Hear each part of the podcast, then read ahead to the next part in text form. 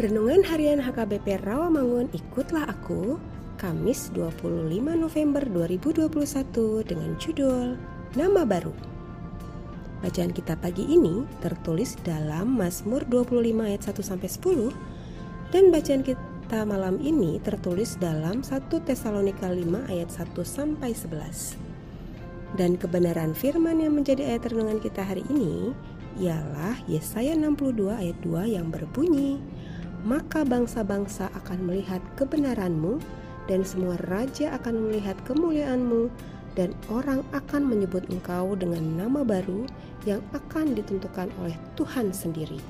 Demikian firman Tuhan. William Shakespeare pada salah satu dialog dari drama tragis namun romantis Romeo dan Juliet mempertanyakan apalah arti sebuah nama. Bagi kekristenan, nama merupakan hal yang sangat penting. Dalam Alkitab, kita dapat membaca tugas manusia pertama adalah memberi nama kepada segala ciptaan Allah. Tertulis dalam Kejadian 2 ayat 19 sampai 20. Dan peristiwa itu terus berlangsung hingga hari ini. Kita sering mendengar para ilmuwan menemukan sesuatu yang baru dan langsung memberikannya nama. Juga para astronom bila mereka menemukan planet atau bintang baru, langsung memberi mereka nama. Pasangan muda yang menunggu kelahiran anak pertamanya akan dipusingkan dengan pemilihan nama yang terbaik untuk anaknya.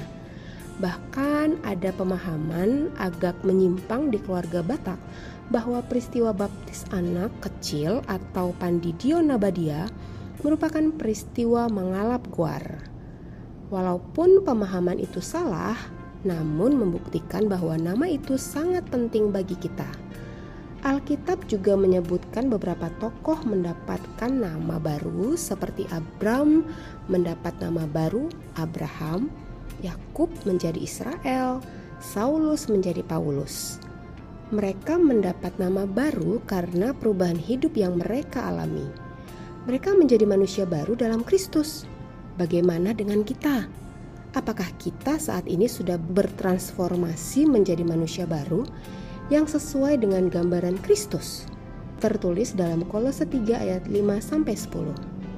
Ataukah kita masih belum bisa diberi nama baru oleh Tuhan kita? Mari kita berdoa. Tuhan Yesus, kami ingin bertransformasi dan mendapat nama baru dari Engkau. Kuatkan kami membuang kebiasaan yang buruk itu.